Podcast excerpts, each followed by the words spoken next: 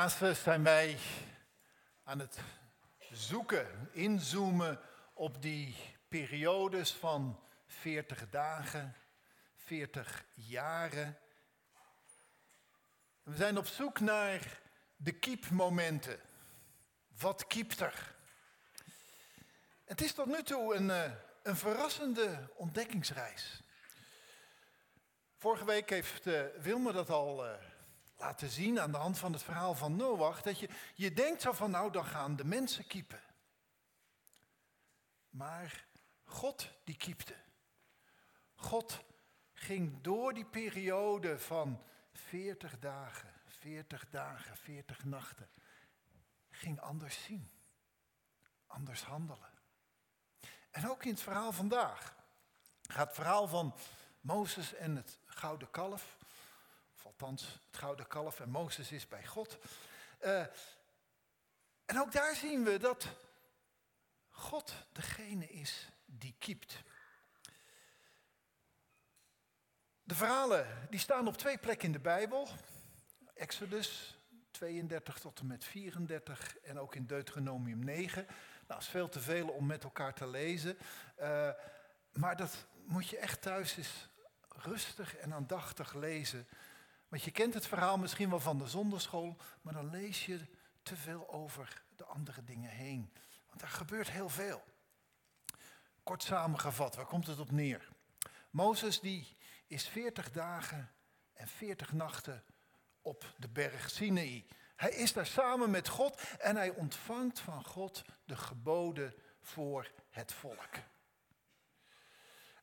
En op een gegeven moment zegt God tegen Mozes, Mozes, nu wordt het tijd om terug te keren. Nu wordt het tijd om terug te keren, want het volk misdraagt zich. Want wat was er gebeurd? Mozes weet van niks, maar God heeft het gezien. Mozes, of het volk, was namelijk in die periode van 40 dagen ongeduldig geworden. Ze dachten, wat blijft die Mozes toch lang weg? We zien hem helemaal niet. En ze kwamen met het idee, we moeten een vervanger zoeken. Ze zochten een vervanger die hen dan verder kon leiden. Want met Mozes weet je ook niet of hij nog wel terugkomt. En dan zitten we hier in de woestijn en we hebben een leidsman nodig. En ze verzamelen dan al het goud en Aaron, die maakt er dan een gouden kalf van.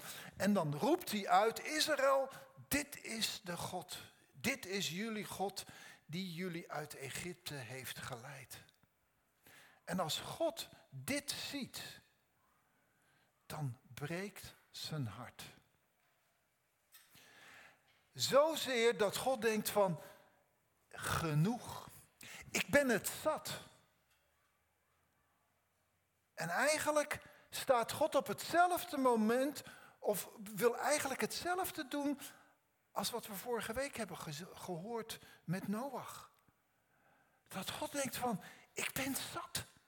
Mozes, met jou ga ik verder, maar dat volk, laat maar.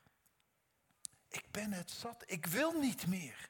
Maar Mozes, met jou wil ik verder. Bijna hetzelfde als wat God zei tegen Noach. Noach, met jou wil ik verder. De rest, vergeet het maar. En het is dan Mozes die, die God weet te, ervan af te houden om, zoals er staat, het volk met onheil te treffen. Nou, Vervolgens gaat Mozes dan met de twee stenen tafelen de berg af. En als hij dan het volk daar ziet dansen om dat gouden kalf, dan is het Mozes die boos wordt. Hij smijt die twee stenen tafelen op de grond. Kapot. Alsof het verbond verbroken wordt. Kapot geslagen. In woede over dat wat Mozes zag gebeuren pakt het beeld, gooit het in het vuur. En nu is het Aaron die op Mozes moet inpraten om zijn woede tot bedaren te proberen te brengen. Eerst was God boos, nu is Mozes boos. Maar na verloop van tijd, er gebeurt nog meer, gaat God of gaat Mozes dan opnieuw in conclaaf met God. En opnieuw, in Deuteronomium staat het, opnieuw 40 dagen en veertig nachten. En wat hier in, deze in dit tweede moment met God gebeurt, tussen God en Mozes is heel bijzonder.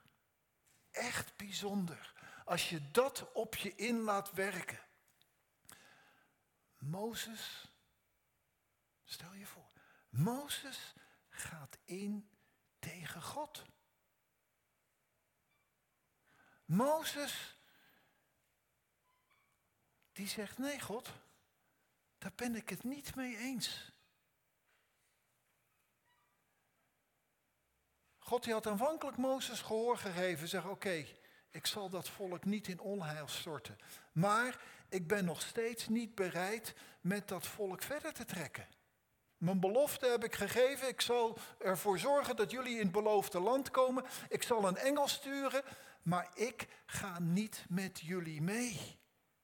Zoals God onder het volk in de tabernakel aanwezig was, zo gaat hij niet met hen verder. En wat er gebeurt is dat God afstand neemt. Om het je zo voor te stellen, God zegt van, gaan jullie maar verder, ik blijf op de berg Sinaï. Ik heb geen zin om met dit weerspannig en halstarrig volk op te trekken. Oké, ik blijf trouw aan mijn belofte. Ik zal jullie een engel sturen dat jullie naar het beloofde land kunnen, maar zonder mij. Je proeft hierin de pijn, de teleurstelling bij God. Eigenlijk hetzelfde moment wat we met Noach hebben gezien. Dat God denkt van, wat is dit? En hier, hiertegen komt Mozes in verzet. Mozes die pikt dit niet. Mozes die neemt stelling en die zegt, als u niet met ons meegaat, dan weiger ik te vertrekken. Dan kunnen we net zo goed hier blijven en sterven, maar dan heeft het allemaal geen zin. We kennen de uitkomst. God luistert naar Mozes, verandert van gedachten en Mozes keert dan opnieuw met twee stenen tafelen, symbool van het verbond tussen God en zijn volk, keert hij terug en weldra gaat het volk samen met God richting het beloofde land.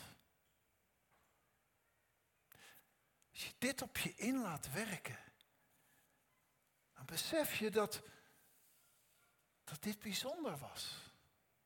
Waar haalt Mozes de moed vandaan om zo tegen God in te gaan? Om tegen God te zeggen, Heer, daar ben ik het niet mee eens. Dit kunt u niet maken. Dat is niet verstandig. Om God als het ware te herinneren aan zijn woorden gegeven aan Abraham, Isaac en Jacob. En zegt van, dan kan u dit toch niet doen. Mozes, die is niet zo vroom dat hij dan bidt, oké Heer, u wil geschieden. En soms denk ik wel eens, ook als ik naar mezelf denk, bidden we soms dat te snel? Heer, u wil geschieden.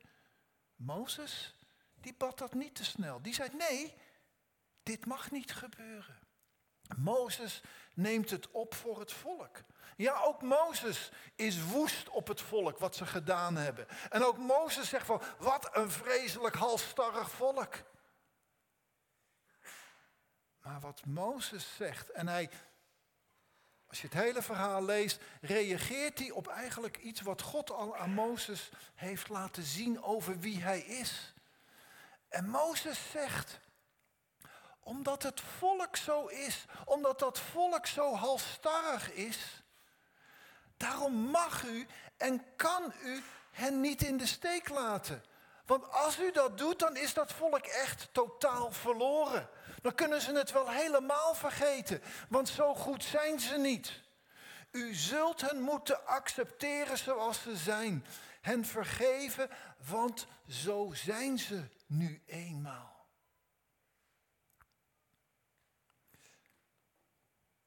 Is het vers, wat zijn de woorden die, die Mozes tegen God zegt? Hij leidt het in, als u mij goed gezind bent, Heer, trek dan met ons mee, ook al is dit volk onhandelbaar. Of zoals het in de andere vertaling staat, zeker, dit volk is halstarrig. Laten we het nou maar toegeven, laten we het nou maar zo benoemen. Zo is het volk. Maar vergeef ons. Hij gebruikt niet het woord vergeef hen. Nee, Mozes identificeert zich mee. Zegt van ik ben ook deel van dat volk. Ik ben dus ook zo halstarrig. Nee, schenk ons vergeving voor onze schuld en maak ons tot uw eigen bezit. En wat er hier gebeurt, is een tweede kiepmoment. Want Mozes voor zichzelf en voor het volk komt tot een hele belangrijke erkenning. Sorry heer, wij zijn halstarrig. Waar laten we er geen doekjes om winden? Zo zijn we. Zonder uw vergeving wordt het nooit wat met ons. Omdat we iedere keer weer in diezelfde fout gaan. Zonder uw vergeving komen we nergens. Dat is het kiepmoment bij Mozes. Het inzicht, ja, zo zijn we. En wij hebben dus die barmhartigheid, die trouw, die vergevingsgezindheid van God nodig, want zonder dat wordt het niks. En dit kiepmoment, dit inzicht van zo goed zijn wij niet, ook al proberen we ons best te doen en nemen we van alles voor, maar zo goed zijn wij niet. Dat is een heel belangrijk kiepmoment. Iets dat we ons allemaal aan moeten trekken. Want heel vaak, laten we gewoon heel eerlijk zijn, heel vaak denken we, kijk, als die ander nou precies zou doen wat ik heb gezegd, of net zo denkt als ik, of net zo doet als ik, kijk, dan zou het nog wat kunnen worden. Maar omdat die ander zo vreselijk eigenwijs is, ja, hoe moeten we dan ooit kunnen samenwerken? En weet je wat grappig is? Als wij dit denken, die ander, voel je me denkt precies hetzelfde. Die denkt precies hetzelfde. Als die ander, als dat Tony nou eens een keer naar mij zou luisteren. En niet zo eigenwijs zou zijn. Alsof hij het beter weet. Ja, dan zou het misschien nog wel wat kunnen worden. En zo over en weer zit je eigenlijk hetzelfde te zeggen. En ben je van hetzelfde hout gesneden. En de Bijbel zegt halstarrig, eigenwijs. En dan proberen we elkaar te overtuigen. En we gaan uiteindelijk naar elkaar wijzen. Maar veel verder komt het niet. Maar het gaat pas iets worden tussen mensen, maar ook tussen mensen en God. Als wij bereid zijn de ongerechtigheid, de zonde van de ander te vergeven. Om die onhebbelijkheden van die ander te accepteren en niet te bekritiseren. En te beseffen van die onhebbelijkheden van die ander, ja, dat zal die ander ook wel over mij vinden. Het gaat alleen iets worden als we bereid zijn genadig te zijn. En dat is het kiepmoment. Het kiepmoment is dat je beseft dat jijzelf, dat ikzelf zonder genade van de ander en helemaal zonder de genade van God, dat ik nergens ben. Want ik ben niet foutloos. Ik ben niet zo goed.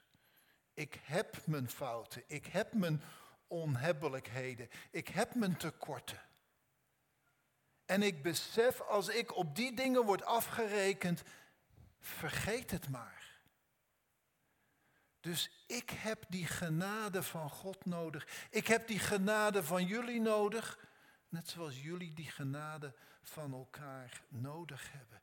En dat besef, ook ik heb genade nodig.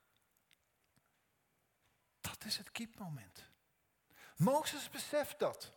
En hij identificeert zich dan ook met het volk. Hij zegt niet, nou dat stomme volk. Nee, wij. Ik hoor er ook bij. Maar hij komt tot dat kiepmoment omdat hij daarvoor God heeft horen spreken over zijn barmhartigheid, zijn genade, zijn trouw. Echt genade. Genade is het grootste geschenk dat wij aan elkaar kunnen geven. En dat betekent, ik accepteer je zoals je bent. Met al die dingen waar ik van word. Ik accepteer je zoals je bent. In de hoop dat jij ook mijn accepteert. Want zonder dat blijven we bekvechten. Zonder die genade gaat een gemeenschap, klein en groot, kapot aan verwijten over en weer. Dus de genade, die ontdek je in een lang huwelijk. Gisteren, toen uh, moest Wilma glimlachen. Ja, je weet niet wat ik nu ga zeggen, nee. Maar je glimlachte naar me. Je glimlachte over me. Over iets wat ik deed. En ik zeg van, waarom lach je? En ze zei, ik verwachtte al dat je dat zou doen.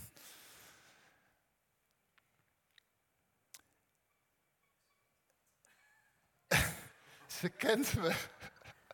Ze kent me zo goed en zegt van wat het was. Ze bracht me thee met een chocolaatje. Ik was met mijn preek bezig en ik pakte dat chocolaatje hap in één keer in mijn mond. Weg. En ik dacht van een heel klein chocolaatje, maar goed. Vroeger probeerden ze me te corrigeren. En ik probeerde mezelf te verdedigen. Nu heeft ze die eigenaardigheid van mij geaccepteerd. Met andere woorden, dat zit er bij hem zo in. Zelfs mijn eigen moeder zegt het al, dat ik zo was als kleinkind. Dus dat gaat nooit meer veranderen. En ik weet, ja, dat is een van die onhebbelijkheden. Ook al doe ik mijn best en probeer ik dat te doen, ik krijg het er niet uit. Dus Wilma lacht er nu om. En ik lach dan met haar mee. En van, ja, sorry, zo ben ik. Dat is genade. Dat is de genade die we aan elkaar moeten geven. Dat is de genade die God geeft. Die kent ons. En die denkt, ach Antoni, daar heb je hem weer. En dat God dan ook glimlacht. En dat ik me gerespecteerd, vergeven voel door, heer, door de Heer. Zonder die genade wordt het nooit wat met ons, met mij.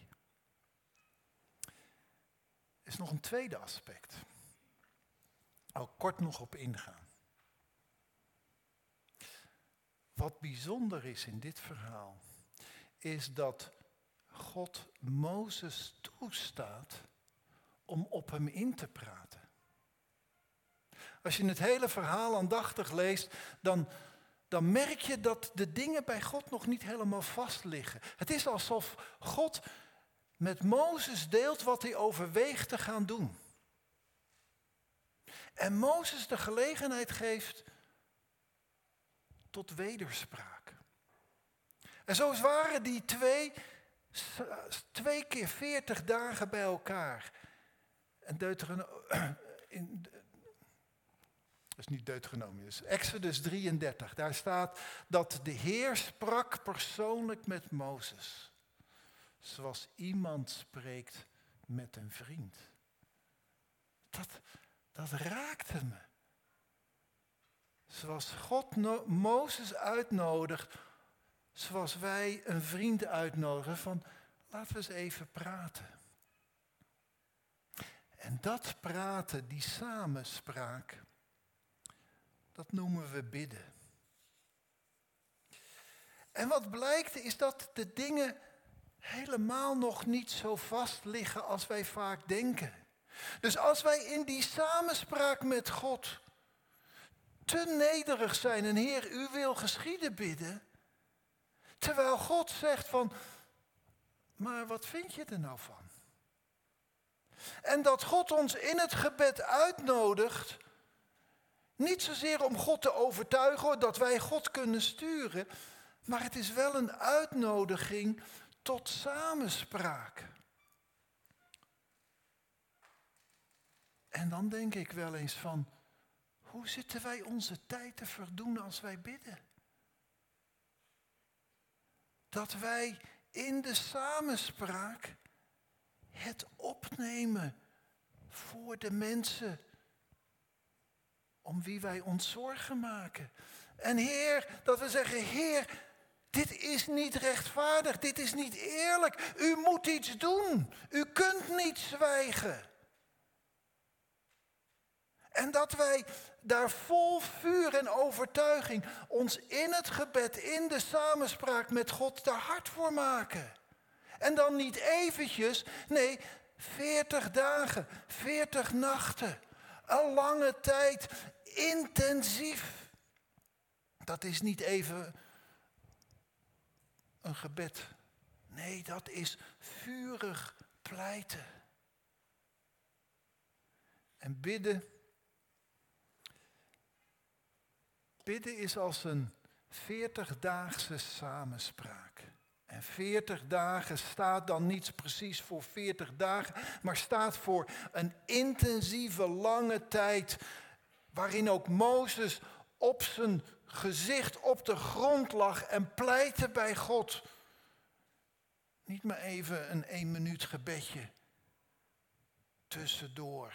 Nee, hij nam daar de tijd voor en pleitte voor het volk. En als we dat doen, brengt die veertigdaagse samenspraak twee kiepmomenten. Een kiepmoment bij God, omdat God open staat voor dat wat wij zeggen. Maar het brengt ook een kiepmoment bij onszelf. Zo zijn we in de 40 dagen na Pasen. We hebben net van Nettie ook gehoord van het initiatief en de uitnodiging. Kom en steek een kaarsje aan. En ik het is eigenlijk taal die de wereld begrijpt, een kaarsje aansteken. En voor ons zou ik zeggen, kom, smeek tot God in je gebed. Zet er tijd voor opzij. Doe dit. We hebben geen 40 dagen meer, maar het zijn er nog 35. Doe dat die dagen naar Pasen toe en smeek bij God. Smeek bij God omdat waar je zegt, dit is niet rechtvaardig, zoals de situatie in de wereld, in Oekraïne, maar in zoveel andere landen en gebieden, bij ons in de gemeente, bij de mensen die we kennen. God nodigt ons uit tot die hemelse samenspraak. En hoe denk ik wel eens, en ook als ik naar mijn eigen gebedsleven kijk hoor, dat, dat, dat denk ik van, hoeveel verdriet doen we God wel niet als Hij ons daartoe uitnodigt. En dat we er zo weinig gebruik van maken. Is het dan geen wonder dat we zeggen, maar waar is God dan? En misschien zegt God wel van, Maar waarom, als je die vraag hebt, waarom maak je geen gebruik van mijn uitnodiging? Om vol vuur en overtuiging die samenspraak met mij aan te gaan.